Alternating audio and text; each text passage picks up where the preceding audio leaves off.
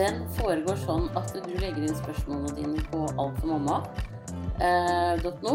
Og Der ligger det en sånn eh, boks helt øverst hvor det står 'neste ekspertsvar'. Og så legger du inn spørsmålene dine der, og så leser jeg dem opp fortløpende mens eh, først spørsmålet, og så sier jeg svarene.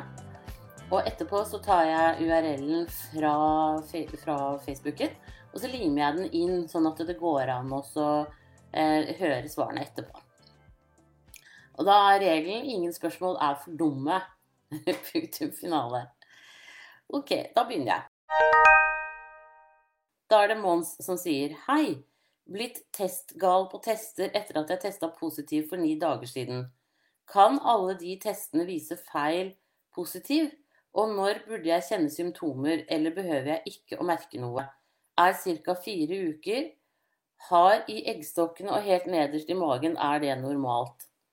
Eh, Det er sånn at hvis man har testet positivt på graviditetstester, så er man faktisk gravid. Så, for det fins ikke falske positive tester, så da tenker jeg at, eh, at du er gravid. Eh, og så kan du se inne på Alt for mamma, der ligger det flere artikler om graviditetstegn. eh, og tidlige graviditetstegn. Så kan du se om det er noen av de som stemmer overens med hvordan du har det. Men da ønsker jeg deg riktig lykke til videre, og tusen takk for at du følger med her. Ha det bra! Og så er det Kristine som sier Hei, er gravid i uke 22. Jeg lagde middag i går og hadde forkle med belte over magen. Jeg hekta meg fast med beltet i ei skuff uten å merke det før jeg snudde meg raskt. Det ble et hardt rykk over magen. Har ikke hatt blødning, og det er ikke veldig vondt. Det er imidlertid litt stikninger i den ene siden av magen. Er det farlig for babyen? Jeg ringte legevakta som sa at det ikke var farlig. Jeg er urolig likevel. Hva tror du, hvor mye tåler babyen? Og hva med morkaka? Takknemlig for svar. Nei, der er jeg helt enig med legevakten. Jeg tenker at det går helt fint. Du har ingenting å, å, å være noe bekymret for der, altså.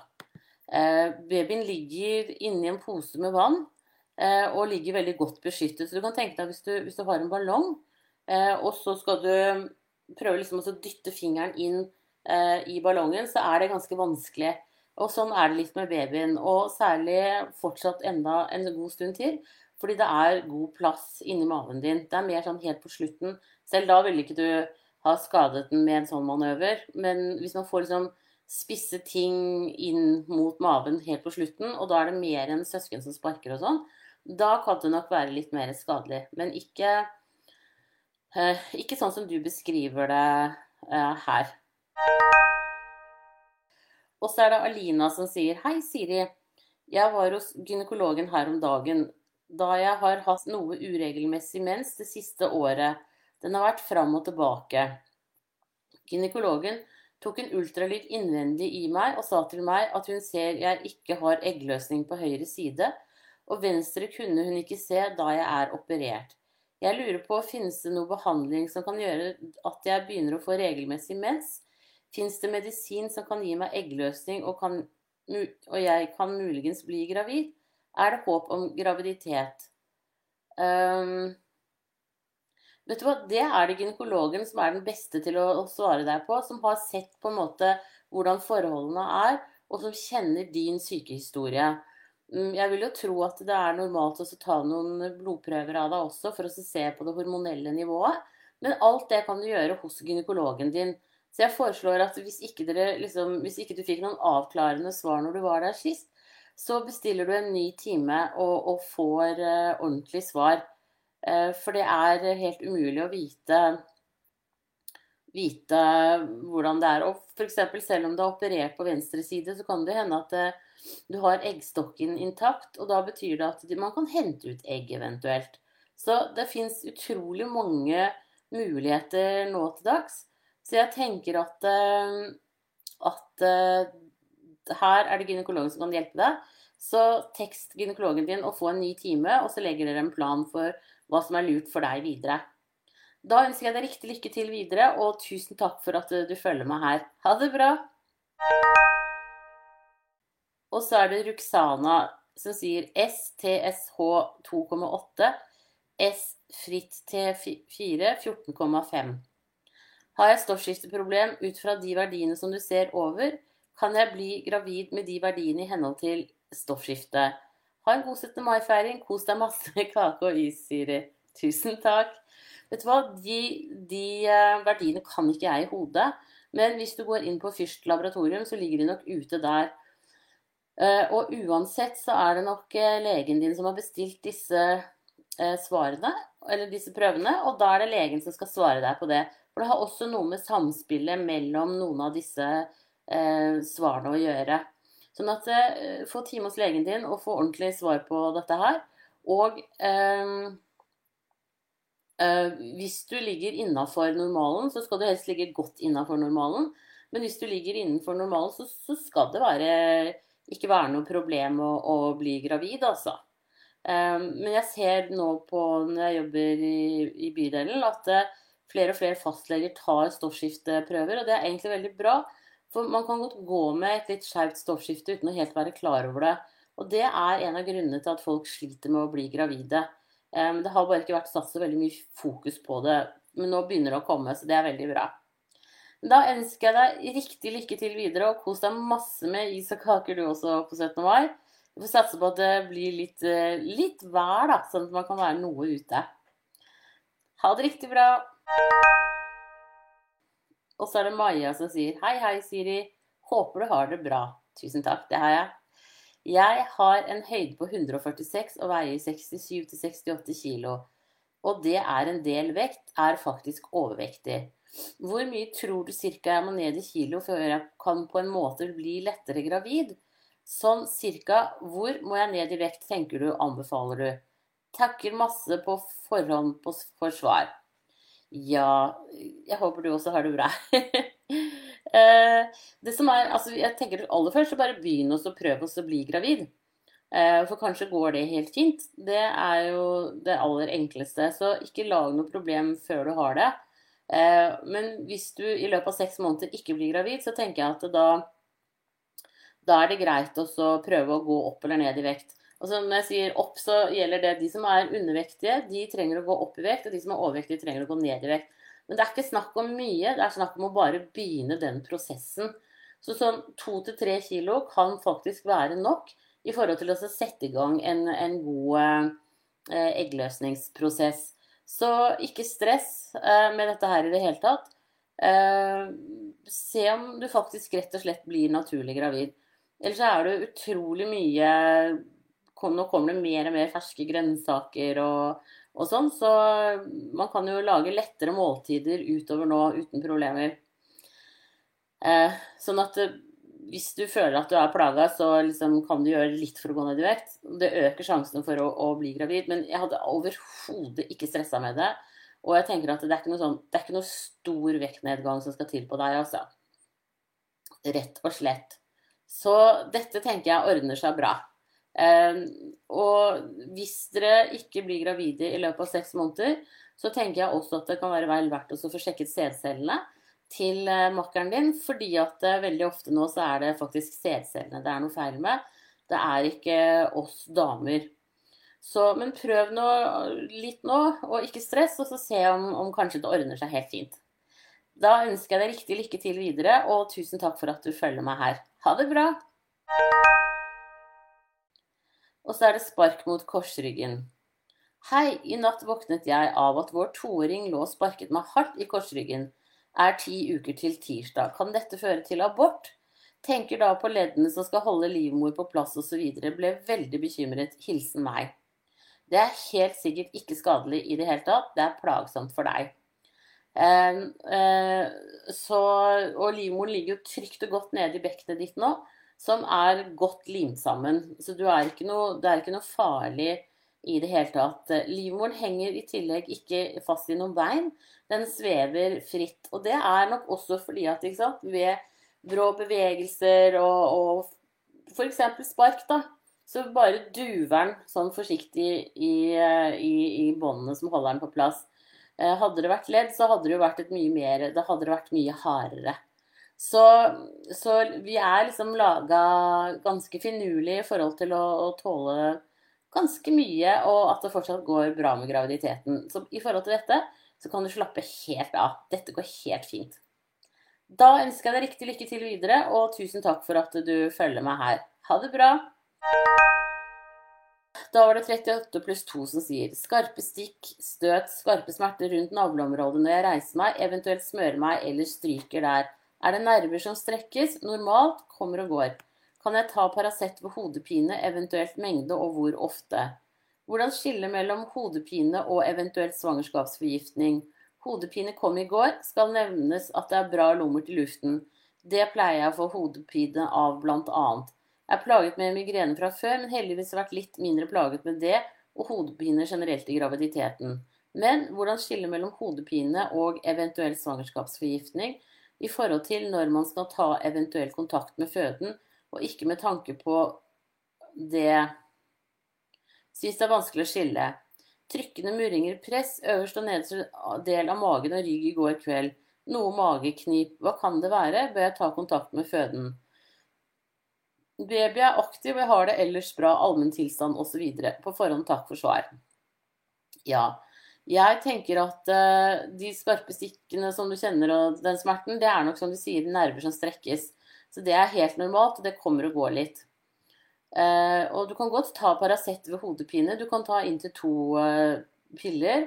Og så se Nå vet jeg ikke hvor vant du er til å ta smertestillende, men hvis du er veldig vant til det, så kan det hende at eh, to trengs. Men prøv med én først, og så ser du i løpet av en drøy halvtime om hvordan den virker.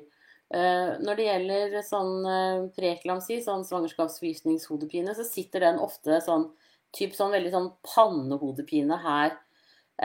mens, mens sånn andre hodepine kan jo sitte liksom mer i bakhodet og sånne ting. Så svangerskapshodepine, det er typisk der. Så jeg tenker at det, hvis, nei, altså svangerskapsforgiftningshodepine. Så jeg tenker at hvis du tar en Paracet eller to nå, og det gir seg, så har du ikke svangerskapsforgiftning. Men hvis det ikke gir seg, så syns jeg at du skal ringe til og snakke med føden og høre med dem.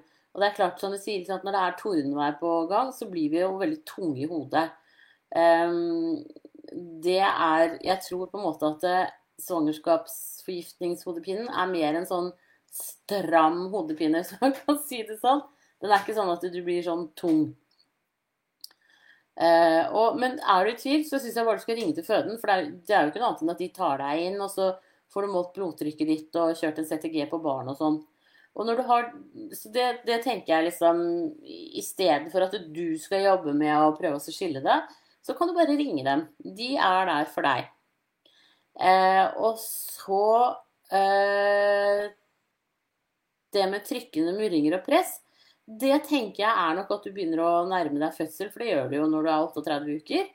Eh, og at det er eh, Og det med maveknip er også et bra tegn, fordi at det, når du får økt eh, aktivitet i livmoren, så påvirker det også tarmen, sånn at man blir litt løsere i maven. Så eh, det tenker jeg er et veldig bra tegn. Så kanskje du rett og slett eh, går i fødsel isteden. Det hadde jo vært det greieste. Eh, og du, hvis du kom, er i tvil om det, og sånn, så bare ringer du til fødende og snakker med dem. Det er ikke noe problem. Supert at du følger med på babyens eh, bevegelser. Eh, det er kjempefint. Og at du ellers føler deg frisk, er jo veldig superbra, da. Så da ønsker jeg deg riktig lykke til videre, og tusen takk for at du følger med her. Og nøl ikke med å ringe føden. Det er heller en gang for mye enn en gang for lite. I mitt hode. da må du ha det riktig bra. Og så er det 32 pluss 2 igjen. Hei igjen. Våknet i natt av at det stakk voldsomt i muskulatur, kjennes det ut som. Under ribbeinsbue venstre side da jeg strakk på meg. Føler meg ellers i fin form, vet jo man skal være litt obs og ha lav terskel på sjekk ved smerter ved ribbeinsbue. Så jeg lurer på om du mener dette bør sjekkes, eller om det er unødvendig. Var rimelig smertefullt der og da, men passerte innenfor to minutters tid. Baby sparker helst på høyre side, så var ikke den type vondt, men mer kraftig dype type stikk. Det samme skjedde i uke 36. På forhånd takk for svar. Ønsker deg en fin dag. Ja, og det er som du sier, at det også kan jo være da en, en et, tilleggsopplysning i forhold til en svangerskapsforgiftning. Eh, nå tenker jeg jo at siden den gikk over etter to minutter, Eh, så skal det godt gjøres at du har en svangerskapsforgiftning. Men jeg syns at du godt kan bare ringe til fødende og snakke med dem. For da kan de stille deg flere andre kontrollspørsmål. En av spørsmålene er jo f.eks. også dette om har du gått opp Har du hevelser i kroppen? Har du gått opp Har du fått samla mye vann i løpet av de siste dagene? Sånne ting som det.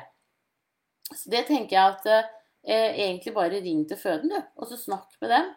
Eh, og hør hva de sier. Men jeg vil tro at det du kjente, egentlig er mellomgulvet som strekker seg. Og når du da strekker deg i tillegg, eh, så, så, får du jo på en måte en sånn Skal jeg si Jeg sitter og strekker meg. så får du en, får du en eh, dobbeltstrekk av den muskulaturen. Så, så, jeg tipper at det ligger innenfor det normale, men, men ring fødende og hør med dem. Da ønsker jeg deg riktig lykke til videre, og tusen takk for at du følger meg her. Ha det bra! Og så er det gravid uke 12 som sier Hei! Jeg er gravid med fjerdemann i rekka. Har tidligere prøvd mye i blødd mye i hvert svangerskap. I første trimester, dvs. Si av og på med blødninger som er større enn mens. Jeg er i uke 12 nå og har blødd mer og mer de siste to dagene. I natt våkna jeg pga. noe som føltes som kynnerar og blødning. Jeg bor på bygda, og det er over to timer til sykehus. Har snakka med fastlegen. Hun sier det er bare å vente til uke 17 til ultralydtimen for å vite om det er skjedd en abort eller ikke. Kan man kjenne på magen når man fortsatt er gravid? Kan man høre det med Doppler så tidlig? Ha en fin helg. Jeg vet hva, jeg syns du skal ringe til sykehuset. Fordi at eh, det er bare tull at du skal vente til uke 17. Unnskyld meg. Men, men det syns jeg. Um, fordi at når du blør såpass Når du blør mer enn en mens, og selv om du har gjort det de andre gangene, så tenker jeg at uh, her, her, må de finne ut av litt av hvorfor er denne blødningen. Og så kan det jo også være kjekt å få sjekka koagulasjonsfaktoren, altså blodprosenten din og sånn. For har du en veldig lav blodprosent, så kan det øke blødningsfaren, for da har du litt mindre koagulasjonsstoffer i blodet.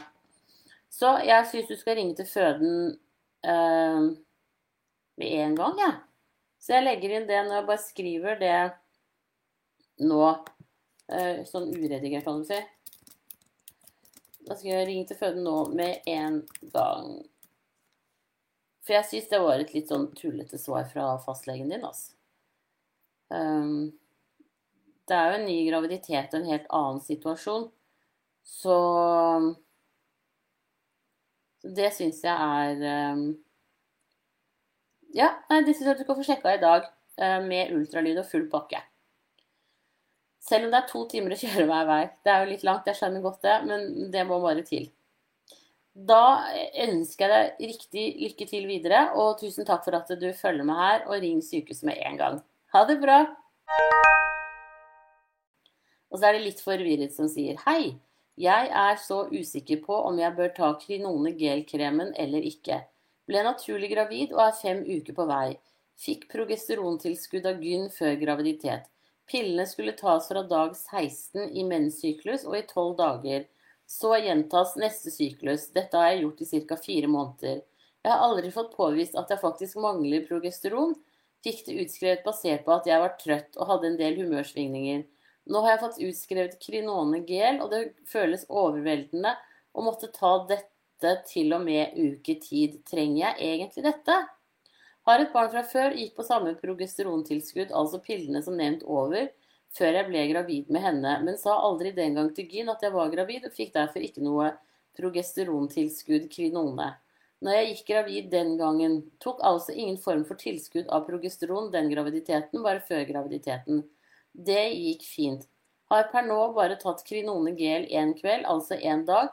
Er det farlig å slutte nå? Større fare for spontanabort om jeg slutter nå fordi kroppen f.eks. ikke klarer å produsere nok progesteron selv.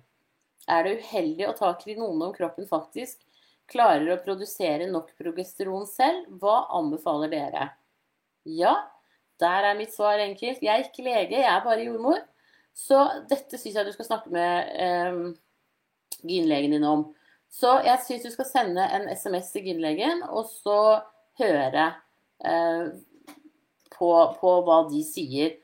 Eh, fordi at eh, de kjenner til dine, dine hormonnivåer, eh, og det er et medisinsk spørsmål. så send en SMS til den gynlegen, og så hør, så er du heldig, så, så får du en SMS tilbake, eller så må du få en time til uka. Men det tenker jeg I dag er det jo lørdag, så er det 17. mai på mandag. Men, men tirsdag, altså send en SMS nå, og så får du sikkert svar på tirsdag eller onsdag. Det tenker jeg er, er det beste rådet jeg kan gi til deg. Men så hyggelig at du har blitt naturlig gravid. Det er jo å øke alltid sjansene. Så det er veldig bra. Da ønsker jeg deg riktig lykke til videre, og tusen takk for at du følger meg her. Ha det bra! Og så er det kyssesyken som sier Hei, Siri. Jeg er 22 pluss 2. Jeg skal til legevakta i dag da jeg mistenker kyssesyken. Har det helt miserabelt og har en treåring til å passe i tillegg til meg selv. Pappaen jobber en del, men bidrar der han kan. Men jeg skulle nok helst hatt helt fri. Erfaringsmessig så vet ikke legevakta her så mye om kvinnehelse, graviditet osv. Hadde smerter etter ny spiral en gang, og han sa han ikke kunne ta ultralyd fordi jeg nettopp hadde spist. Ja, det er jeg helt enig med. Det var litt dårlig. Vet du om kyssesyken er farlig for graviditet, barnet?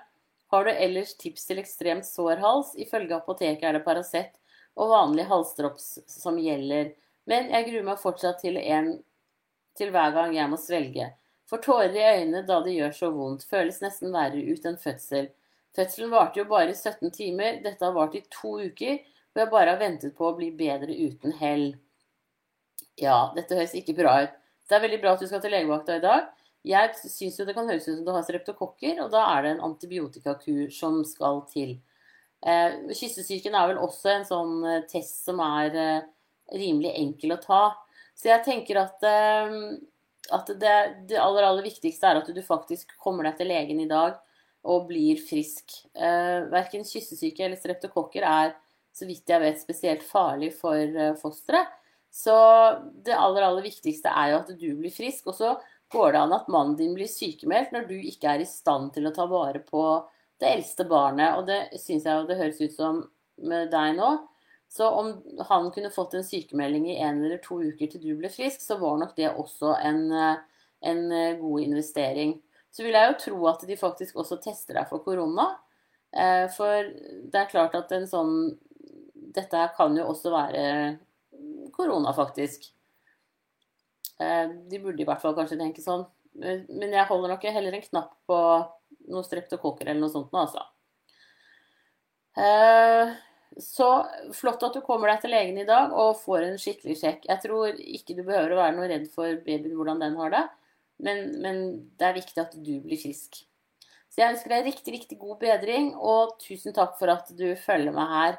Og ha en strålende dag videre. Ha det bra. Og så er det kvinne 30 som sier hei og takk for en fantastisk tjeneste. Jeg har et spørsmål om graviditet. Jeg er nå i uke ti og lurer på når man bør slutte å trene mageøvelser som bensenk og planke. Er det noen ulemper ved å trene dette når magen fremdeles er liten? Og er det noen fordeler ved å trene opp magemusklene før magen blir for stor? Ja, tusen takk for at uh, du liker tjenesten. Vet du hva, det, dette her har jo ikke jeg helt eh, god peil på. Men det er ikke noe veien for å, å trene nå enn så lenge maven er liten. Når mavemuskelen begynner å dele seg, eh, som den gjør i løpet av en måneds tid eller noe, da er det klart at, eh, at da skal du være forsiktig med å, å trene harde maveøvelsesmuskel... Eh, magemuskeløvelser. Fordi at da presser du egentlig mavemuskulaturen enda mer fra hverandre. Men de driver og forsker masse på dette på, på oh, gud a meg. Ja. Åh, oh, står helt stille hva det heter. Det forskes en del på dette her, så jeg tror du kan google det også. Det du skal huske, er at når du er gravid, så blir eh, sener og muskler liksom litt slappere enn ellers. Sånn at det, at det kan være vanskeligere å trene seg opp. Men det å holde ting ved like, det er rimelig enkelt. Så følg kroppen din. Eh, du legger litt mer når du har trent hardt enn ellers, kanskje tre dager istedenfor bare to. Og så har du en dårligere lungekapasitet i utgangspunktet. Jeg tror det er liksom typ 30% fra du blir gravid, så det har du sikkert merket godt allerede. Men følg kroppen din, og lytt. Ikke tenk at det er liksom nå du skal sette noen personlige rekorder på noe som helst slags vis. Eh, men å, å, kjenne at kroppen fungerer og at man er i fin form, er jo alltids en god følelse. Så no, tren videre, men ikke, ikke, tren hardt på de der magemusklene når de begynner å dele seg. Og det vil du også kjenne når du tar fingeren inn i navlen. Så vil du kunne begynne å kjenne når det er den begynner å dele seg. Um, ja. Så, men ta og google litt rundt uh, Norges idrettshøgskole. Det var det jeg skulle litt frem til. NIH.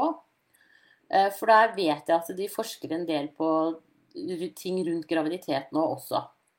Da ønsker jeg deg riktig lykke til videre, og tusen takk for at du følger meg her. Ha det bra. Og så er det Thea som sier hei.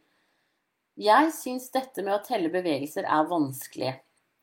Man skal forsøke å telle til samme tid hver dag, har jeg skjønt, men hva med de dagene da fosteret våkner til og er kjempeaktiv i perioden før man setter seg ned og registrerer, slik at når man setter seg ned, så har man gått glipp av det. Jeg føler registreringen spriker veldig fra dag til dag. Noen ganger går det med en gang å komme tid til ti bevegelser, andre ganger kan det ta 40 minutter, og mer fordi han allerede har hatt trimmen sin. Hvordan kan man gjøre dette minst mulig stressende? Takk for en super side. Jeg tenker at det er ikke så viktig med faste tider. Eh, det at du har kjent at han har hatt trimmen sin den dagen, helt bra og innafor. Eh, det er en nettside som heter kjennliv.no, tror jeg, eh, som har mange gode råd i forhold til dette her. Men det viktige er at, er at, du har en følelse av kontakt med din baby. Du, sånn som du sier, ikke sant Ja, men nå har han jo trent da, en time tidligere. Da, det gjør jo ingenting. Eh, for da har du kjent de bevegelsene. Og, og sånn er det jo i, i, Kommer det til å være som kommer til å merke kraftig når babyen kommer ut. Det er ikke rutine på noen ting de første månedene. Eh, og sånn er det vel også egentlig litt inni maven. Så jeg tenker at det handler om det der at når du har kjent babyen din sine bevegelser den dagen, vet du hva, så er det bra. Eh, ikke noe å stresse noe med. Eh, og jeg tenker at vi skal, ikke, vi skal ikke gjøre det vanskeligere enn det det er. Da ønsker jeg deg riktig lykke til videre, og tusen takk for at du følger meg her. Ha det bra! Og så er det vente barn nummer to. Hei, og takk for en flott side. Tusen takk. Jeg er andregangsfødende og venter barn i slutten av juli. Like før forrige fødsel begynte svigermor å sette krav til hvordan hun ønsket det i forhold til fødselen. At hun Hæ? At hun ønsket å være den første besøkende siden dette var hennes første barnebarn, og mine foreldre har mange fra før. Skal nevnes at mine foreldre aldri i verden ville foreslått noe slikt, og de bryr seg heller ikke i hvem som er først. Hun ville ha løpende oppdatering fra vi dro til sykehuset. Jeg sa nei til dette, og det ble starten på flere år med at hun frøs oss ut. Skulle få oss til å få dårlig samvittighet osv. Mannen min satte foten kraftig ned for sin mor, og det er først siste året at hun har tatt seg sammen. Men nå som vi venter barn nummer to fem år senere, begynner hun igjen å ønske seg hvordan det skal foregå. Jeg kjenner det går så innpå meg. Hun fratar meg så mye gleden av gleden med svangerskapet og forventningene til barseltiden, når hun kommer på besøk etter fødselen, blir hun i timevis. Hun er en person som tar voldsomt til plass og er altoppslukende. Så mitt egentlige spørsmål, hva er rimelig av meg å bestemme i forhold til barselbesøk? Kan jeg si at første uka er kun for oss tre i familien, eller bør jeg la henne komme til med en gang? Jeg ønsker ikke å være urimelig heller. Hun er veldig stolt av det å skulle bli bestemor igjen, og lever for å fortelle og vise frem til verden. Ja, her kommer jo antageligvis koronaen der til eh, god hjelp. det er ikke pent å le av det, da. Men det er jo det som veldig mange opplever når jeg kommer på barselbesøk til dem. Det er at det er så nydelig, for at de kan ikke ha besøk. Og det er faktisk helt reelt. Eh, nå vet jeg ikke helt når du har tegn se, du venter barn i slutten av juli. Det betyr at, eh, at, du antageligvis Nå er det slik at gravide kan få vaksine, men antageligvis er ikke du vaksinert før det. Eh, og babyen er det ikke. Så selv om svigermor kanskje er vaksinert, så tenker jeg at man kan kjøre litt sånn forholdsregler. Så det som går an å si, f.eks., er om at dere kan møtes ute. Eh, og da kan jo du trekke deg inn i huset hvis babyen begynner å grine og skal ha pupp og sånn, eh, og det begynner å bli slitsomt, så bare går du inn hjem igjen. Mens, for da tenker jeg at da da får hun truffet eh, dere, og, men det er allikevel du som på en måte styrer eh, hvor lenge. Og så eh, skjønner jeg innmari godt at du lar deg stresse av henne når hun holder på sånn. Det er jo, helt, eh, det er jo en veldig spesiell ting å gjøre. Men noen mennesker er jo litt rare. Eh, så dette er sikkert ikke det eneste hun er litt rar på. Men det hjelper jo ikke deg, da. Eh, så jeg tenker at bruk koronaen for det det er verdt. Si at dere kan gå på en trilletur sammen. Hun kan trille vogna, liksom de tiende der. Men at det sånn der helt tett innekontakt i flere timer, det er jo ikke å anbefale. Så, så, jeg tenker bare senk skuldrene, og så bruker du koronaen aktivt. Det kan du jo avtale med mannen din også, siden han skjønner at det er viktig å sette ned foten. Men da slipper dere kanskje rett og slett det der å sette ned foten hardt. Fordi at uh, dere kan bruke koronaen som unnskyldning. Um, så det er egentlig mitt uh, beste, si, beste råd til deg akkurat nå. Og så må man jo vente og se hva er retningslinjene i forhold til nyfødte. Eh, og sånn etter hvert. Og hvordan blir det liksom med dette her eh, Hvem som er vaksinert og ikke. Så her tenker jeg at liksom Litt sånn Koronaen er på deres side, da. Eh, og det syns jeg liksom mange har sagt. De, de isolerer seg veldig før fødselen, for de er livredde for å å ikke kunne være sammen på fødsel. Og det kan du jo fortelle henne om, at det er veldig vanlig. Det er en stor bekymring hos gravide i dag at uh, kjæresten ikke får lov å være med på fødselen fordi man er så redd for å få korona. Så eh, jeg har vært borti folk som til og med har tatt ut ferie før termin for at de ikke skal være i kontakt med andre. Så langt behøver man jo ikke å gå. Men, men, um, men liksom snakk litt, snakk litt om korona for henne. Eh, og snakk litt om det, hva det har å si i forhold til eh, fødesituasjonen og sånn, og første tida etterpå. Og at eh, søsken får jo ikke lov å, å, komme og besøke på sykehusene. Eh, og i Oslo i hvert fall så er det sånn at hvis kjæresten forlater barsel- eller barselhotellet, så får de ikke komme inn igjen. Så det er, det er, veldig strenge regler på det, og folk skjønner kanskje ikke alltid det. Eh, så, så, det kan du også sjekke litt med sykehuset der hvor du bor. Eh, hva slags rutiner de har der. Og så, og så snakke om det når eh, svigermor er på besøk, sånn at hun kanskje kan få inn en litt større forståelse. For det er, det er noe med disse småstedene også, eller sånn Hvis man ikke bor et sted hvor det har vært mye smitte, så skjønner man det ikke helt. Men sykehusene forholder seg veldig strengt til det selv om, og det er en veldig sånn realitetsorientering. Så snakk litt med henne om det, sånn løst rundt det, uten egentlig liksom å mynte det på henne. Eh, og så kan dere jo, når babyen kommer, foreslå at liksom Ja, men vi tar en tur ut, og så kan dere bare sette dere et eller annet sted, eller Du må jo selvfølgelig se på din form, men, eh, men du behøver ikke å ha henne hjem inne hos dere. Det holder å treffes ute i første omgang, tenker jeg da. Så eh, det er lov å være litt utspekulert når hun kjører det showet hun gjør.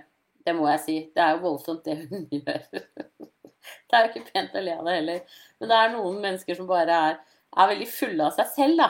Ikke ser så veldig mye andre rundt seg. Eh, og det er jo utrolig hva de får til å gjøre.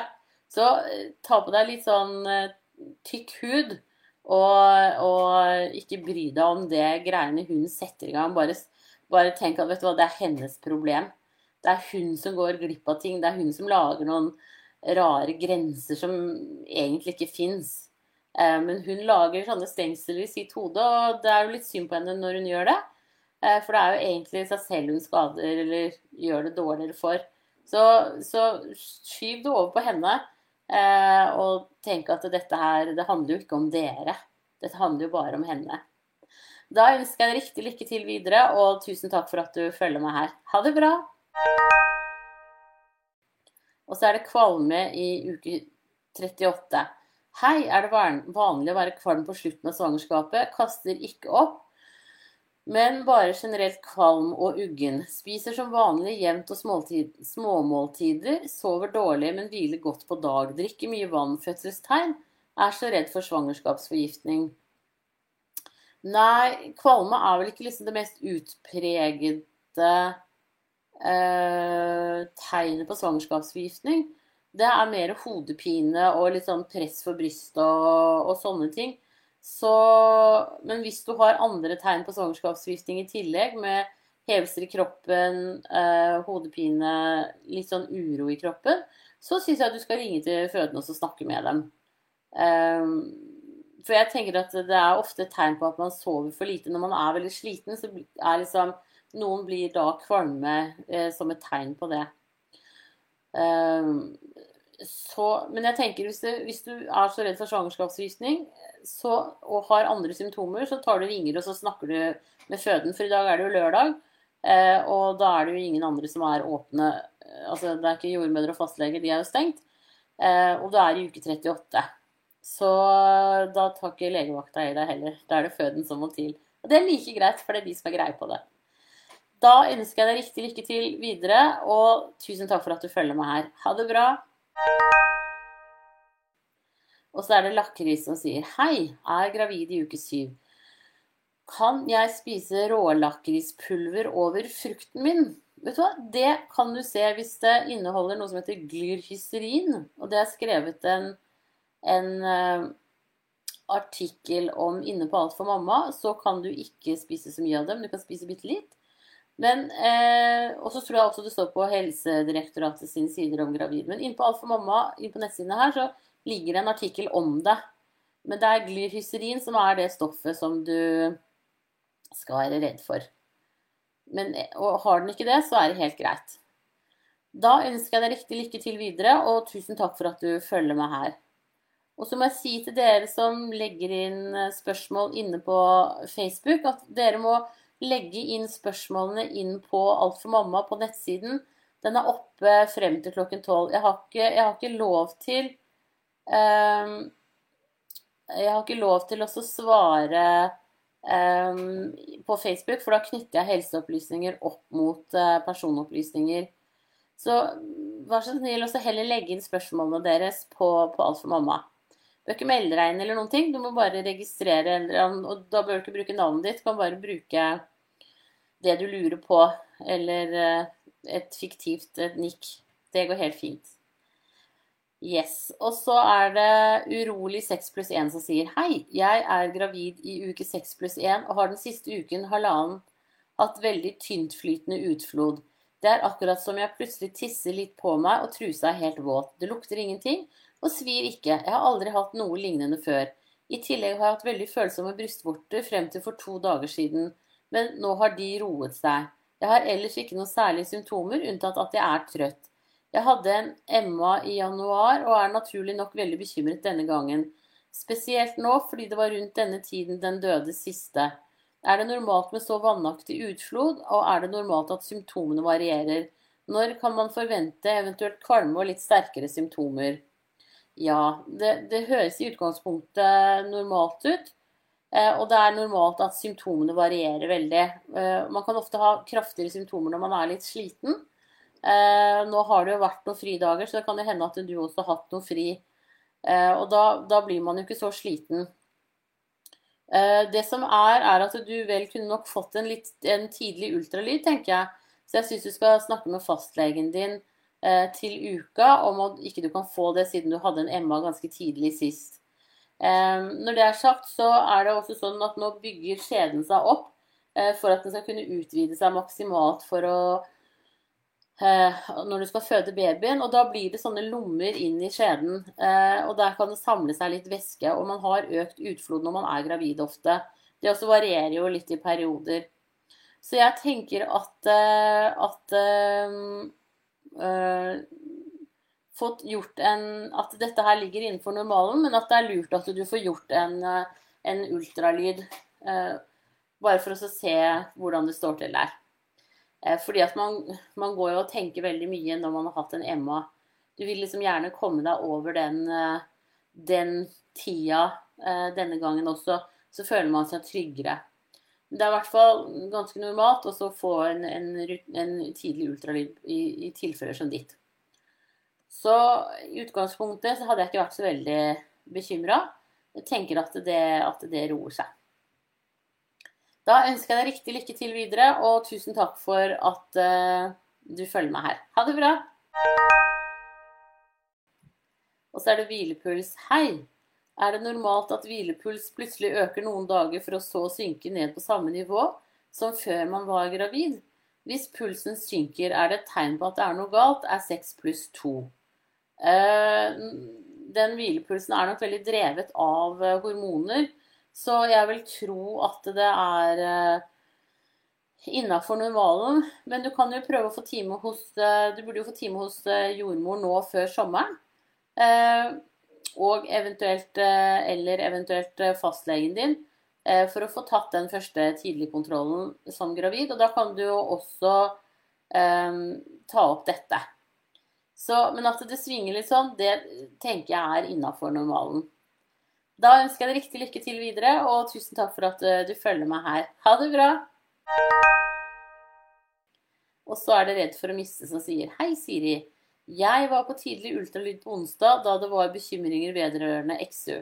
Gynekologen kunne da se et hulrom i livmoren på 4 mm, og jeg tror jeg kan være 4-5-6 uker gravid. Dette var på onsdag. Jeg er livredd for å miste spiren, så jeg tok en Clearblue digital som jeg hadde liggende hjemme i går. Den viste gravid 1 til 2. Jeg trodde derimot testen skulle vise gravid 3 pluss, siden den jeg tok for en uke siden viste gravid 2 til 3. De siste dagene har jeg mistet flere symptomer på graviditeten. Jeg har ikke ømme bryst lenger, og kvalmen har gitt seg. Spiser mer nå enn jeg klarte for en uke siden, og kaster ikke opp lenger. Jeg har lite utflod, men er. Den er hvit og noe slimete. Hadde menslignende smerter i går og noen veldig intense smerter i forgårs. Har derimot ikke hatt noen form for blødning eller blod i utfloden. Er det mulig for at jeg kan SA Emma nå? Uh, siden nesten alle symptomene er borte og graviditetstesten har gått tilbake til gravid 1 pluss 1 til 2, er veldig bekymret for å miste. Ja, det glemte jeg å si til uh, hun andre som var tidlig gravid her også. Det med kvalme er ikke nødvendigvis på en måte noe tegn på at man er mer eller mindre gravid. Den kan svinge. Og hos mange så blir den ofte vers, liksom begynner å bli verre rundt uke åtte. da, Og så frem til uke tolv. Men før det så kan den svinge ganske mye. Så det er vanskelig å si, men jeg tenker at uh, at du bør nok tilbake og få gjort en ny ultralyd.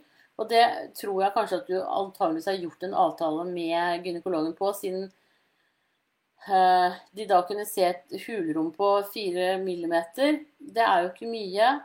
Uh, men det er, altså, det er, helt sikkert normalt i forhold til hvor du er i graviditeten.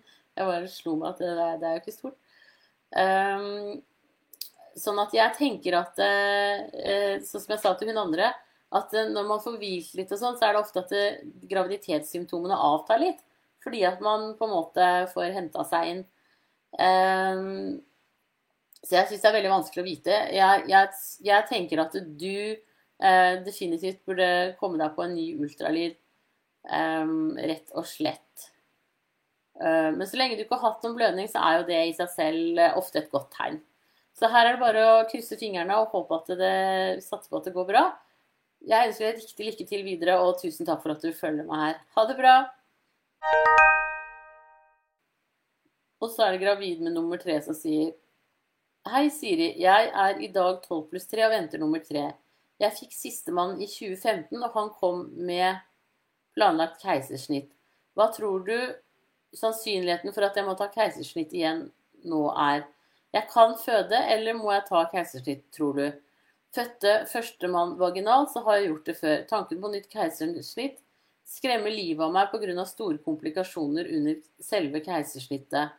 Kan legger ved at jeg har et større snitt enn vanlig da han lå på tvers.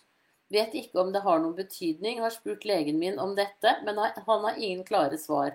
Mulig et rotete spørsmål, men hva tenker du? Tusen takk for at du har denne siden og svarer på våre spørsmål. Med vennlig hilsen Helene. Ja, Eh, jeg tenker at du skal få bli henvist til sykehuset, og så går de gjennom operasjonsbeskrivelsen med deg.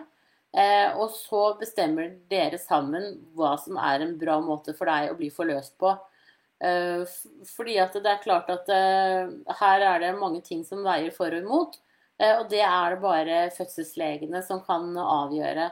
Så jeg syns du skal be jordmora di om å henvise deg til eh, Eller legen din om å henvise deg til en slik samtale på sykehuset. Eh, og den kan du ha med en gang. Det er ikke noe vits i å vente til du nærmer deg termin. Og da får du på en måte avklart hvordan fødselen skal foregå. Og så får du en ro på det, tenker jeg. Så det, og det er jo en, en, en fordel for sykehuset også, at dette her er avklart på forhånd. Eh, sånn som jeg ser det. Så da ønsker jeg deg riktig lykke til videre, og tusen takk for at du følger meg her. Ha det bra!